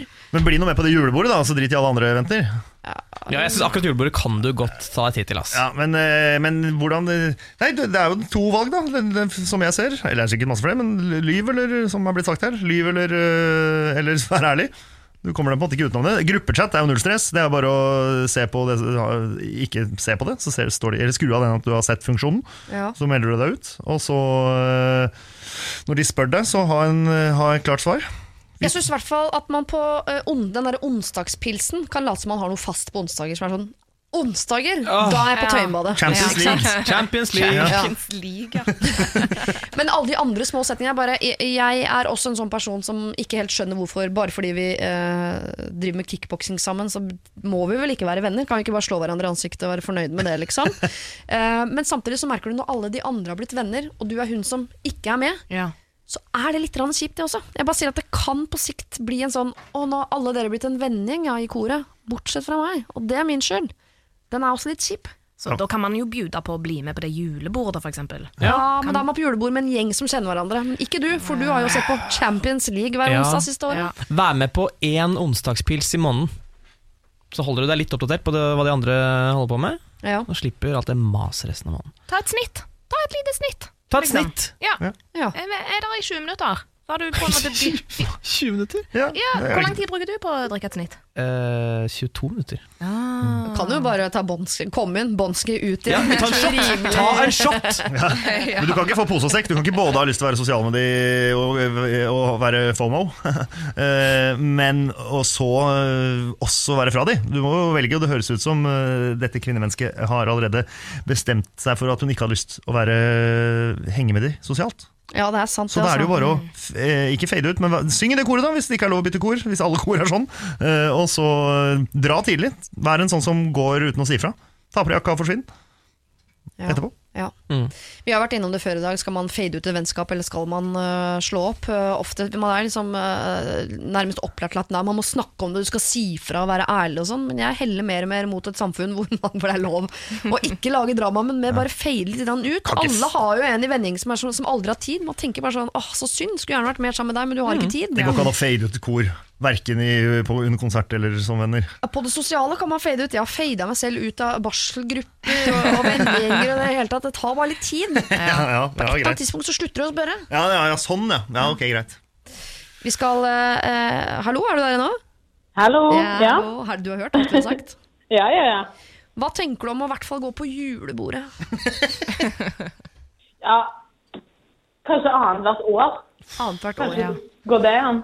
Men er det, altså, hvis du skulle gått på julebordet, er det sånn eh, Shit, det er kleint, jeg kjenner ingen her, alle dere er Ja, det er jo litt sånn. Ja, eh, det er et veldig viktig poeng, for jeg kjenner jo da at jeg på en måte skal på julebord med fremmede av min egen skyld. Hvor lenge har du vært i koret, kan jeg spørre deg? Et år. Et år. Mm. Men er det aldri, kjenner du aldri på den følelsen av at å nei, nå har dere blitt venner og ikke jeg? At du angrer Jo. litt på at du skal være sånn sær og knipen på onsdagsdrikkinga, liksom? Ja, men øh, jo, jeg har kjent på det sånn når man har pauser og sånn. Jeg har liksom et par jeg kan gå bort til, men av og til så kjenner jeg litt på det. Men jeg forstår jo også hvorfor det er sånn, så da gjør det ikke vondt. Altså, frihet koster. Ja, jeg, Ja. jeg kjenner meg veldig igjen i, i deg. Jeg har vært sånn i mange år. Jeg bare vet at man, det, man bruker mer energi på å være den som ikke vil være sosial, enn å bare være det, liksom. Så kan det hende du må gi opp den, den siden der og være, bare være litt grann mer til stede og anse den gjengen her som en vennegjeng, liksom. Ja. Ja, det høres ikke overbevist ut. Nei, Nei, for det er, liksom, det er ikke det at jeg har noe personlig imot det. Det er bare tiden det går på, at jeg har mange andre ting å Ja. fylle. Liksom, at, uh, og det Tøyenbadet hadde vært en bra unnskyldning, men vi slutter liksom 21.30. Så jeg faller litt for sånn Champions League. Ja. Ja, det passer er fint. sant. 2045, det passer fint. Når du ikke kan, så sier du fra at 'jeg kan ikke', og de gangene du kan, så kan du kjenne litt på det, da, om du kanskje faktisk skal bli med, Ja. sånn at ikke det blir kleint neste gang. Og så har det jo funka et år. Ja? Ja, Ja. men, det, ja. men Champions League kan være sånn langvarig løgn, kan det ikke? Jo. Ta, ok, vi inngår et kompromiss her nå. Du, uh, har fast, du har planer på onsdager uh, i år og de neste seks årene som kommer. Julebordet kan du gå på innimellom. Kan du ikke, så sier du fra at ikke du kan. Og de gangene du kan, så kan du jo innimellom vurdere å gå, så ikke det blir kleint i pausene framover. For i koret Ja. skal du jo ikke slutte i, det er vi enig i. Ja, nei, det står ikke det. Da tror jeg det er så nærme vi kommer en eh, løsning. Tusen takk for at ja, du eh, ringte inn til Siri og de gode hjelperne. Jo, takk for råd og tips og hjelp. Bare hyggelig. Ha det! Ha det! Siri og de gode hjelperne. Mail oss på siri at radio1.no. Jeg sitter her noen timer nå, men vi skal ha et ett problem eh, til. Og her skal vi potensielt sende en jente ut, ikke i den store verden, men til Dublin. Mm. Det er vel Hva sier man det når ikke er store verden? Uh, Europa. verden. Verden, ja. Mm. Her står det. Jeg er en jente på 23 år som har et dilemma jeg gjerne skulle hatt litt hjelp med. For noen uker siden så traff jeg en sjarmerende jevngammel irsk turist på byen. Vi fikk en veldig god tone utover kvelden og endte opp hjemme hos meg. Uggen og i bakrus ba jeg ham pent om å dra neste morgen, men ikke før han fikk uttrykt hvor kul han syntes jeg var, og at jeg burde komme på besøk i Dublin. Vi hadde hatt en humoristisk tone gjennom hele vårt korte bekjentskap, og jeg svarte flørtende tilbake at jeg allerede hadde begynt å se etter flybilletter. Nå Noen uker senere har jeg fått en eh, svært romantisk og entusiastisk purring på dette forslaget. Han foreslår å vise meg rundt, dra på konsert, restaurant, og generelt er bare veldig søt. Da jeg ikke kan ta meg råd til å bo på hotell, har jeg da fått tilbud om å sove i kollektivet der han bor. Det høres jo selvfølgelig spennende ut, da jeg aldri har vært i Dublin og gjerne kunne tenke meg en personlig guide. Det byr meg likevel litt imot da jeg må tilbringe en hel helg med dette mennesket som jeg så vidt kjenner. Førsteinntrykket er jo at han er morsom, sjarmerende og snill, men jeg er usikker på hvor godt grunnlag de åtte timene vi tilbrakte sammen utgjør. Dette har jo potensialet til å bli den lengste helgen i et menneskets historie. Og flybilletter og mat osv. kommer jo uh, gjerne opp i et par tusenlapper. Og som kjent er penger en sjelden gode i studenttilværelsen som jeg befinner meg i. Så hva skal jeg gjøre? Skal jeg være kul, romantisk, spontan og dra til Irland, eller skal jeg spare de penga og bli hjemme i Norge? Du skal dra! Du skal dra! Det er bare å komme seg av gårde. Ja! Oi, oi, oi. Kjempeby! For å si det sånn, dra til D-Town, både eh, fysisk, men òg liksom Psykisk. Det er, Psykisk, det er det beste jeg har hørt. Men her, ja, for her er både den uh, satte pappaen Ollie og de single rytterne uh, Wow. Hasse og Alex, uh, Alexandra helt liksom enige om at man bare skal dra. Ja, men herregud oh, du, har vært, du, skal, du skal en lang hel, Det blir den verste helgen. Hva, det er tre ganger det du har vært sammen nå i tid. Du har vært allerede åtte timer. Det kommer ikke til å bli kleint i starten. Og så det, det overlever du om det blir kleint. og Du får dratt til Dublin. Og Ja. setter, det er, kommer til å bli helt konge. Og skulle det mot all eh, formodning bli drit, ja, så har du en god historie. Og så er du, har du sett Dublin. Ja. Og, eh, 23. Ja. 23. Ja. Dra på eventyr! Ja, Gjør det! ja, hva er det verste som kan skje? Det er ikke så ille! Kleinhet er ikke så ille! Nei, Kleinhet er ikke ille, det må folk skjønne at kleinhet er bare kleinhet. Ja. Eh, Livet skal være ubehagelig. Ja. Man skal gjennom en del ting eh, som føles litt røft, men som egentlig ikke er det. Og den fyren her, han er så god i senga! Han er jo helt fantastisk! Det er jo ingen tvil! At hun i det hele tatt vurderer det, må jo tilsi det! For et eventyr! Det smerter meg å røske dere ut av lykkeland, men jeg er jo en litt annen type. Jeg er ikke så glad i sånn spontanitet og reise og oppleve ting. Og, sorry, jeg, jeg er ikke det. Komfortsøkende, kjedelig menneske. Men Har du pass? Det er så vidt. Ja. Så vidt. Det jeg tenker er at Denne kleinheten Og ja, livet skal være kleint og det skal være ubehagelig, og alt det der men det som er så vanskelig, er Ok, dere har hatt en, en dag i Dublin. Jeg skal bare fortelle dere, eh, jeg har vært i Dublin. er en forferdelig by. Det må jeg bare først si. Det er hardt. Eh, mm, nei, jeg blander! Jeg har vel aldri vært i Dublin. Jeg sitter og ljuger på radio. Vært Du tenker på Lillestrøm! Du tenker på Lillestrøm! jeg tenker på Lillestrøm. Nei, jeg har vært i Glasgow. Ja, og det, det er- det er drittig! Det er er Dublin, to selvfølgelig skal du dra til Dublin. Nei, det jeg tenkte bare at Hvis man har hatt en litt sånn klein dag i Dublin, og man i løpet av den dagen finner ut at Å, for faen, han fyren er jo helt jævlig, så skal du hjem, og så skal du sove i sengen hans. Og dagen etter så skal dere stå opp sammen, og du skal ha en ny jævlig dag i Dublin, og så skal du sove i sengen hans igjen. Nei, men det, det, Hun bor jo i kollektiv, han fyren. Så i verste fall så blir du, kjent med de, og sitter du litt lenge sånn Skal du være med i senga? Nei, vi sitter og spiller eh, pokerhead, holdt jeg på å si. Jeg kommer ikke på hva Kortskalle. Ja. Vi har det kjempegøy med det. Eh, Gå og legg deg, du, så kommer jeg, kommer jeg etterpå. Og så eh, blir du sittende der. Jeg skjønner at det er tynn unnskyldning, men eh, Ja, jeg liker det. Ja, for Potensielt så må hun liksom si sånn Tusen takk for et nydelig dag, gleder meg til nok et museumsbesøk i morgen. Jeg går og legger meg på sofaen, jeg. så står han der og tenker sånn What? No blowjob? Wow. tenker han. ja, Ja. men da får han tenke det. Da kan han tenke det. Ja. Ja. Jeg, jeg Det blir tenk, hyggelig. Det blir hyggelig, og Jeg jeg vet at det kommer til å bli hyggelig. Ja, det blir hyggelig. Og husk at altså, hun kommer ned kanskje fredag kveld. Det blir ikke den lengste kvelden. ikke sant? Det er kanskje to-tre timer før det er boom, boom, boom, boom. Og så våkner du. Straight to D-town. D-town, baby! Og så er det jo da en hel lørdag. Det, kan- det kan bli en vanskelig dag hvis han er kjip. Men så kan du si til han Du kan bestille et veldig sent fly på søndag, men si til han uh, My plane is leaving really early. Uh, og hvis det da viser at han er en dritfet fyr, så kan du si My plane is, is uh, Cancelled? I have all day. Ja, Skjønner du? Ja, altså litt, Vi har vært innom ljuging mange ganger i dag, men det er lov å ha noen, noen Man må ha noen exiter, Ha noen exiter. Ja, men det er jo Det er jo bare eh, litt mysterie og litt mystikk. Det er bare topp, det. Skal hun åpne helgen og si sånn uh, Jeg har uh, Flyet mitt går natt til søndag, og jeg har kjempemens. Det, vi, nå skal vi hygge oss. Ja. Og så kan hun da eh, på en måte dra fra et, Nei, et sånn sier- jugende element. Si sånn Hakk, jeg likevel tulla, flyet mitt er cancelled. Nei, Du sier ingenting. Du venter til liksom, situasjonen oppstår. Og så hvis du ikke har lyst til å ligge med ham, eksempel, så kan du si det er litt kjipt, men jeg har den perioden her nå. Eh, du Then trenger ikke å annonsere det sånn Jeg har masse mens og begynner flyet mitt går seint tidlig. Eller åssen det var. Uh, du kan jo bare vente, se åssen det blir. Antageligvis. Jeg tror 90% sikkert. Det her blir helt konge. Ja. Eh, De 10% da har du noen eh, hvite løgner i baklomma.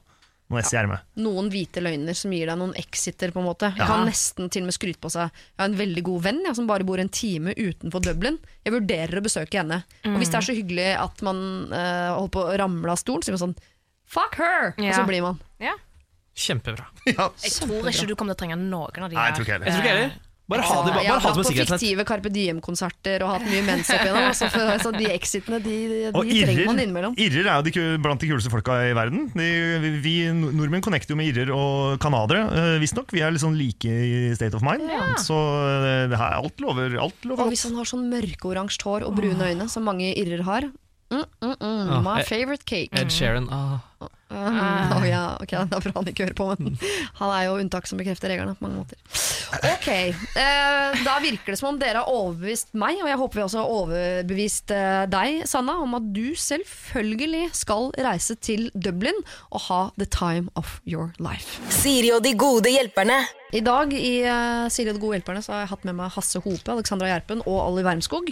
Og alle dere som har fått hjelp, skal også få et uh, handlenett uh, med sånn positive ord på. Det Dere har fått sett, Syns dere det var fint? Veldig fint. Eh, Det er et nydelig handlenett som jeg har lyst på selv. Ja, men Du kan få et. Takk. Heia deg, står det på det. Ja, okay. De som får i dag, er altså Leonora på 28, som lurer på hvordan hun skal få typen sin til å fri. Hun har jo i stor grad blitt bedt om å fri eh, selv. Eh, Det vet vi ikke om du er enig, men du skal i hvert fall få et eh, handlenett. Vera på 21 hun lurer på om hun skal kutte ut drømmestudiet sitt fordi hun ikke klarer å få seg noen venner der. Gi det litt mer tid. Fram mot sommeren. Ting kan skje hvis du følger de eh, rådene vi har gitt deg. Tror vi. Ellers så kan du dra hjem. Nina lurer på om hun kan dumpe en venninne som hun har de siste årene skjønt at ikke er en bra venn, men akkurat nå er hun gravid. Kan hun dumpe en venninne som er gravid? Fade det ut. Se hva som skjer på sikt. Sofie er eh, forlover, men uh, syns det er rart at hun må betale for eh, bryllupet. Altså ikke bryllupet i sin helhet, men sin reise, sitt hotellopphold osv. Det skjønner vi at du syns, men det kan du ikke si til bruden. Så slå heller til på det tilbudet du har fått av typen din, som har sagt at han kan sponse det hele.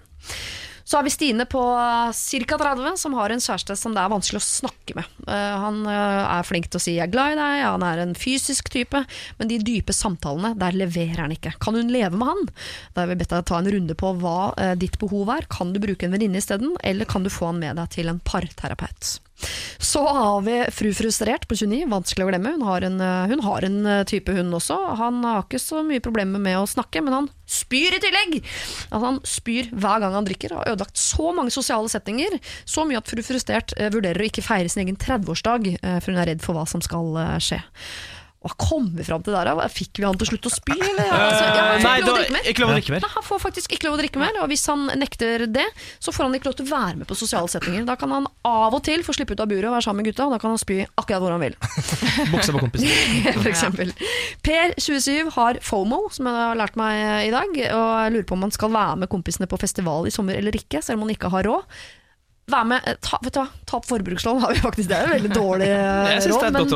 Men- Skaff deg litt penger og bli med på så mye som mulig, for det har litt å si faktisk at man er med på de tingene man er eh, glad i. Så har vi da eh, Vi hadde en innringer som fortalte at hun ikke hadde lyst til å være sosial med koret. Det forstår vi veldig veldig godt, eh, men hvis du syns det blir kleint at du ikke kjenner dem og de kjenner hverandre, så kan du være med du skal være med av og til. Men de der onsdagspilsene, der må du sørge for å få en annen fast avtale, f.eks. Champions League. Eh, og så har vi da eh, Sanna, som vi ble sendt med nå nettopp. Som vi har sendt til Dublin etter et one night stand. Herregud. Lykke Det blir et eventyr. Ja, det kommer til å bli så gøy. Alle dere får handlenett. Og i tillegg så skal vi sende ut to uh, handlenett til noen dere syns fortjener det. Har du tenkt, Hasse? Ja. Hvem blir det? Du, uh, jeg gir mitt handlenett til uh, Espen Teigen, som er rådgiveren til Sylvi Listhaug. Og oppi den så legger jeg en rekke nye og bedre råd til hvordan hun skal oppføre seg på Facebook. Ja, Så du skal skrive eh, på sånne kort? Ja. Ja. Sånn. Jeg trodde du skulle si sånn Oppi der ligger litt sånn hvitt pulver som Oi, eksploderer. Nei, er det lov å være politisk her? Var det det? Det Ja, ja, da var, jeg, jeg var nettopp det. Aldri vært så politisk i hele mitt liv. Ja, bare at Der var det en slags uh, smartere og mer empatisk utgave av Unibamba, som ville ha løst det med sprengstoff. Så løser du det med kjærlighet. Helt riktig. Alexandra Hjelpen, har du noen du vil sende handlenett til? Ja, jeg kommer ikke til å bevege meg i det politiske landskapet, men Nei. det egoistiske landskapet. Du tar et sjæl. Eh, ja, ja, på en måte. Min eh, aller kjæreste bestevenn i eh, New York skal gifte seg. Og jeg skal på forlovelsesmiddag hos henne. Bare meg og hun. Jeg har sagt forloveden får ikke lov til å være med. Så jeg, eh, i det lille handlenettet så sender jeg veldig mye lambrusco. Lambrusca, husker ikke jeg hvordan det sier. Hva er det da? Nei, det er sånn sprudlende rødvin. Ja. Sykt godt! Oh, det jeg er, vet om en som er bedre. Nei! ok, dette må vi Ja, men, ja, men ja, men hvilken da? jeg, jeg skal finne ut av det. Ja, ok. Ja, ja, ja. Det er lite Ja. Google-søk. Ja. Eh, Det er lambrus, lambruska, eller lambrusco, husker ikke hva det heter. Og masse østers, for det skal vi kuses med. Kuse dere. Skal Ja. du reise helt ned til New York for å spise denne middagen sammen med henne? Og se en Michael Bolton-konsert. Der! Ja, ja. Nei, hun elsker Michael Bolton. Nei, det er min andre konsert. Jeg har vært der før en gang. Ja. På Long Island. Altså, Jeg gleder meg så mye. Hun skal jo ikke være med, da. Men, ehm, for hun er ikke så fan. Nei, Jeg det er er vel totalt- strengt tatt bare du som er fortsatt. Det kan godt. Kos deg på konsert, og tusen takk for at dere kunne være gode hjelpere her hos meg eh, i dag. Eh, disse eh, nettene skal jeg sørge for at dere får med dere. Vi er tilbake om en uke, så hvis du har noe du vil at vi i Radio 1 skal hjelpe deg med, så send det inn. Adressen er sirialfakrøll, radio1.no. Siri og de gode hjelperne. Søndager fra to på Radio 1.